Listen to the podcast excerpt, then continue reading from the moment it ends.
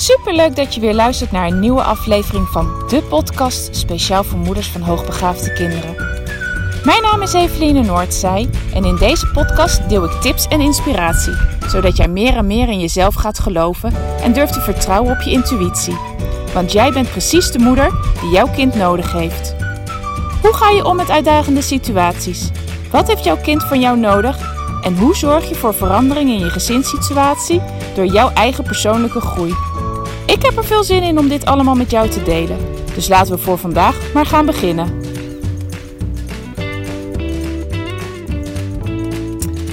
Ha, lieve luisteraar. Nou, daar ben ik weer. Een paar dagen niet gewandeld. Ik loop nu weer in het bos in Drenthe. En dat ik een paar dagen niet uh, gewandeld heb, dat komt eigenlijk omdat het best wel zoeken is geweest om weer even je ritme te vinden. Het is toch allemaal weer anders. We zijn voor het eerst langere tijd met de caravan, dus even je plekje zoeken. Hoe werkt het allemaal? Maar ook gewoon, uh, ja, wat is er te doen? Wanneer is het te doen? Kinderen gaan toch later naar bed, die slapen dus ook langer uit. Ja, dan vind ik het toch lastig als ik alleen ben om dan s morgens uh, vroeg alweer te gaan wandelen. Omdat ik het ook dan wel echt lekker vind om wat langer te kunnen slapen. Maar vandaag is mijn man er, dus uh, ik heb ze daar even lekker achtergelaten. En nou maak ik meer mijn wandelingetje. Nou, misschien hoor je het ook wel aan mijn ademhaling die wat hoger is. Ik ben gewoon echt aan het wandelen. Ik ga even niet zitten. Anders kom ik nog nergens. Maar gisteravond hebben wij zoiets gaafs gedaan. Wij zijn uh, met ecotours mee geweest. Hier een uh, drie kwartier rijden vandaan. In Exlo zitten zij. En wij zijn met een elektrische buggy, jeep, het is maar hoe je het uh, wil noemen. Zijn wij de hondsrug opgegaan door de bossen en de heide. En hebben wij een tour gekregen van bijna drie uur met een gids. Die heeft ontzettend veel uitgelegd en verteld. En super, super, super leuk. Maar vooral ook heel erg leuk voor de kinderen. Omdat ze er weer ontzettend veel van leren. Nou, waarom vertel ik je dit? Omdat ik met regelmaat de vraag krijg van ouders van... Ja, maar hoe doe jij dat dan? Hoe doe jij dan thuis onderwijs geven? Heb je materialen? Heb je boeken? Heb je methodes? Ga je elke dag zitten? Nou, nee. Mijn antwoord is nee. Het kan wel, maar dat is in ieder geval niet de manier die het meeste bij mij past. Ik heb wel heel veel materialen. Die staan eigenlijk bij mij allemaal op de praktijk. naast heel veel spelmateriaal die ik sowieso in mijn werk gebruik, heb ik ook heel veel methodes staan: rekenen, taal, spelling. En ja, soms pak ik die wel eens, maar niet heel vaak. En hoe komt dat? Omdat ik eigenlijk zelf veel meer vanuit de spontaniteit kinderen dingen wil leren. Maar ook veel meer praktisch de kinderen dingen wil leren. En wat ik daarmee bedoel is dat uh, ik veel meer, zoals gisteravond, de kinderen in de natuurlijke leefomgeving iets wil meegeven. Nou, en dat is dus ook wat ik gisteren gedaan heb. Dus even kijken waar ik hier nu weer uitkom. Oh, oké. Okay. Dit is een andere camping, denk ik. Even kijken. Ja, ga ik maar hier naartoe. Um, want gisteren bij die gids, die vertelde zo ontzettend veel over natuur. Ook een heel stuk aardrijkskunde wat ze meekregen. Over uh, de ijstijd en dat het ijs geschoven is.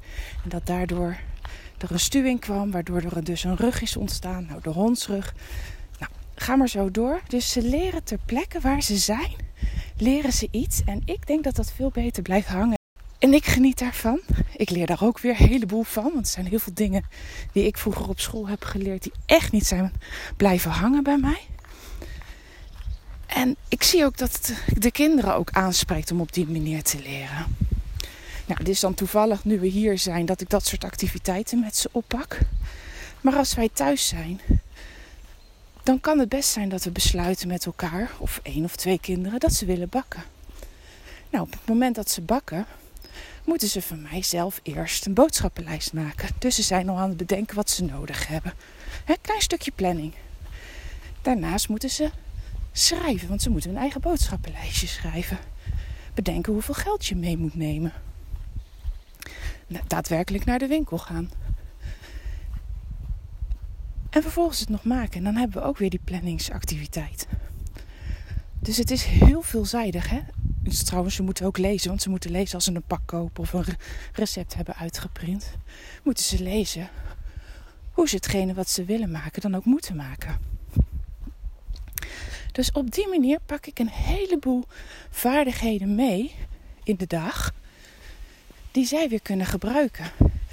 En het is de manier van leren die heel erg aansluit bij wat ze nodig hebben, omdat het geen moeten is. En misschien herken je dat ook wel van je eigen kinderen. Dat moeten is een, uh, een ding. Zodra er bij mij kinderen moeten opkomen, nou, dan kan ik het vergeten. Dat gaan we natuurlijk niet doen. En nu zijn ze er op een hele natuurlijke manier mee bezig en begrijpen ze ook gelijk waarvoor ze het nodig hebben. En pakken we nou nooit de methodes? Ja, maar dat is heel erg per kind afhankelijk.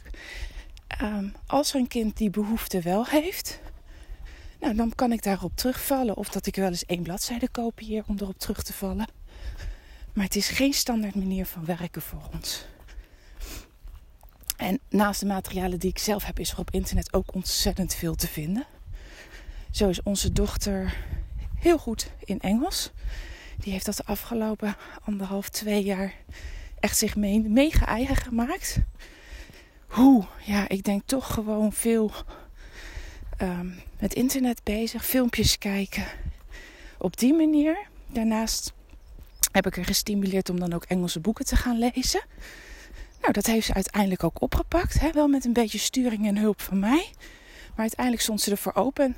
We zijn daarin heel makkelijk begonnen. Want op het moment dat zij ervaart dat iets niet makkelijk gaat, of in ieder geval te moeilijk is, dan, dan stopt ze ook heel snel. Dus ik heb aangegeven van nou, we beginnen echt met het makkelijkste boek.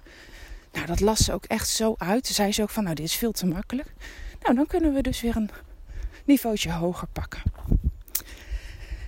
En ze ervaart nu ook dat haar Engels zo ontzettend goed is. Laatst waren we op een bruiloft met, uh, misschien heb ik dat laatst ook al verteld, met uh, mensen uit Amerika. En toen kreeg ze ook echt het compliment. Wat spreek jij ontzettend goed Engels? Dus dat motiveert ook. Ze gebruikt het dan ook daadwerkelijk in de praktijk. Um, maar ze begint, nu ze puber is, ook steeds meer te weten wat, waar ze naartoe wil. Ze wil heel graag de Pabo gaan doen. En um, dat betekent dat ze bepaalde vakken op een bepaald niveau moet behalen. En heeft ze zichzelf voorgenomen. Goedemorgen. Heeft ze zichzelf voorgenomen dat ze staatsexamen wil gaan doen in het Engels. En ook hier merk ik dan weer eerst: we moeten het niet te hoog inzetten, want dan haakt ze af. Dus we hebben in een overleg besloten dat we gaan oefenen met een aantal MAVO, VMBO-examens. Nou, en die kan je dus heel makkelijk op internet vinden. En op het moment dat ik die dus van internet haal, dan geef ik ze aan haar. Nou, dan gaat ze daarmee aan de slag. En dan zie ik eerst heel veel uitstelgedrag, want ja, het is toch wel eng en wie weet kan ik het niet. Nou, uiteindelijk met een beetje hulp van mij gaat ze er uiteindelijk aan beginnen. En die heeft ze gemaakt en dan merkt ze eigenlijk dat ze het heel goed kan al. Nou, daar heeft ze er twee, misschien drie van gemaakt. En ze krijgt zo'n boost met zelfvertrouwen dat we nu hebben afgesproken dat ze aan een HAVO-examen gaat beginnen om te oefenen. Met als doel om volgend jaar mei in ieder geval al staatsexamen Engels te doen. En dat is het voordeel van staatsexamen doen. Dat is heel fijn. Je kan het per vak doen en dat blijft ook gewoon staan. Dus het is niet zo als ze nu examen Engels doet dat het over twee jaar weer vervalt. Dus ze kan ook stapje voor stapje hetgene wat ze beheerst ook al laten zien en ook al afsluiten met een, nou ja, met een bewijs. Ik weet eigenlijk niet eens hoe ze het noemen. Maakt ook helemaal niet uit. Mijn doel ook helemaal niet. Maar dit dus. Dus ja, nee, wij leren niet vanuit methodes. Wij leren niet standaard van 9 tot 12 of van 9 tot 2. Ehm, wij pakken gewoon wat, we, wat er voorbij komt. En op die manier de kinderen te onderwijzen. Goedemorgen.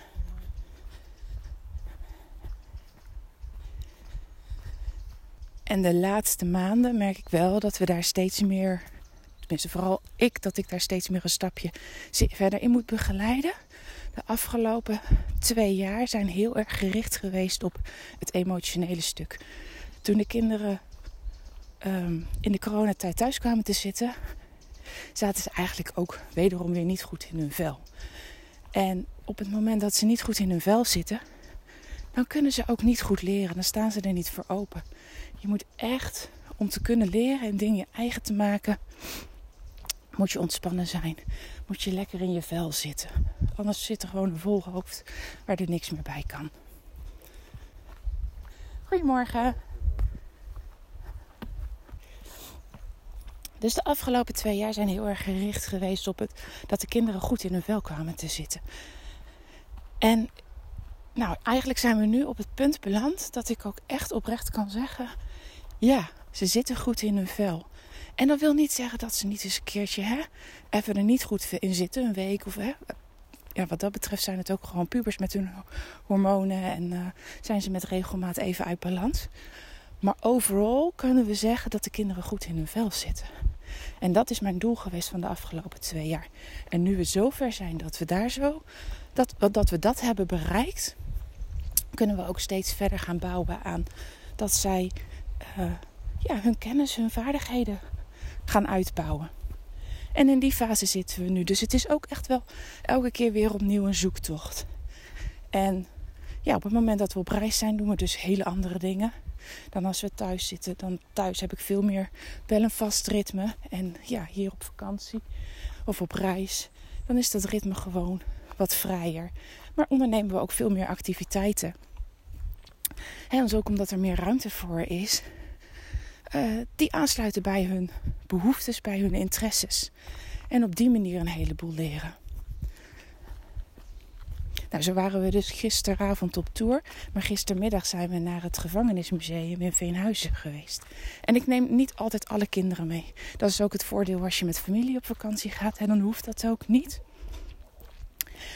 En ik nam de kinderen mee. Naast mijn nichtje mijn neefje, twee van mijn eigen kinderen. Die daar interesse in hadden. En dan vindt er één. Nou, ik heb één zoon die gaat echt alles lezen. Die vindt alles interessant. Die slaat ook alles op. En de andere, ja, die vindt met bepaalde onderdelen interessant. En dat is goed, want dat is blijkbaar wat hij aan kan op dat moment. Wat zijn niveau is. En hij heeft er echt wat van opgestoken. Want als ik hem dan later naar hoor vertellen aan zijn vader wat hij allemaal gedaan heeft. En um, wat hij daar nog van weet. denk ik, oh, je hebt toch weer een stukje meegepikt. En dan kunnen we later wel weer verder uitbreiden. Maar dit is, hè, dit is wel vast wat je hebt. Nou, dit is dus zoals wij in het, in ieder geval doen. Het thuisonderwijs. En is dat dan altijd makkelijk? Nee. Ik vind het bij het tijd en wijle echt wel heel erg pittig. En dat heeft mede te maken omdat er natuurlijk gewoon heel veel op mijn schouders terecht komt. En dat ook wel eens maakt dat ik gewoon voor mijn gevoel te veel ballen in de lucht moet houden. Dus nee, het is niet altijd makkelijk. En het vraagt ook echt wel veel van mij. Maar voor nu, voor wat ik zie van de kinderen, is het me wel waard. Als ik er dan aan denk. Hè, als ik het wel eens pittig heb en denk van... Goh, kunnen ze, zouden ze niet weer naar school kunnen? Dan heb ik meer mijn handen vrij. Ja, dat zou op zich heel lekker zijn. Uh, maar mijn vader zei gisteren ook heel terecht: Ja, Eveline, dan heb jij de stress van hoe ze thuiskomen. En dan heb je de stress van alle gesprekken, omdat het. Hey, je hebt al zoveel geprobeerd en je weet dat het voor jouw kinderen niet heeft gewerkt. En dat is ook waar. Ik denk ook niet dat ik het dan in mijn hoofd rustiger zou krijgen. Dus voor nu gaan we gewoon op deze tour door. En ja, dan vragen ouders me ook wel eens van ja, maar wat als een kind nou weer naar school wil? Ja, dan gaan we dat bespreken, dan gaan we kijken. Maar dan is het ook wel het besef van ja, weet je, op het moment dat jij daar dus dan voor kiest, dan kan het dus ook wel gewoon zijn dat je dingen moet doen die niet bij je passen. Of dat je in een tempo moet gaan leren wat te laag ligt. Of op een niveau wat niet prettig is. Maar goed, zover zijn ze niet. Zover zijn de kinderen ook niet dat ze naar school willen. Maar het blijft wel altijd onderwerp van gesprek. En het is altijd mogelijk. Gewoon, ik blijf gewoon aansluiten bij wat de kinderen nodig hebben. Nou, ja, dat was dus naar aanleiding van de vragen die ik vaak krijg over hoe dat met mijn thuisonderwijs? Nou, zo dus. Ik wens je voor vandaag weer een hele mooie dag.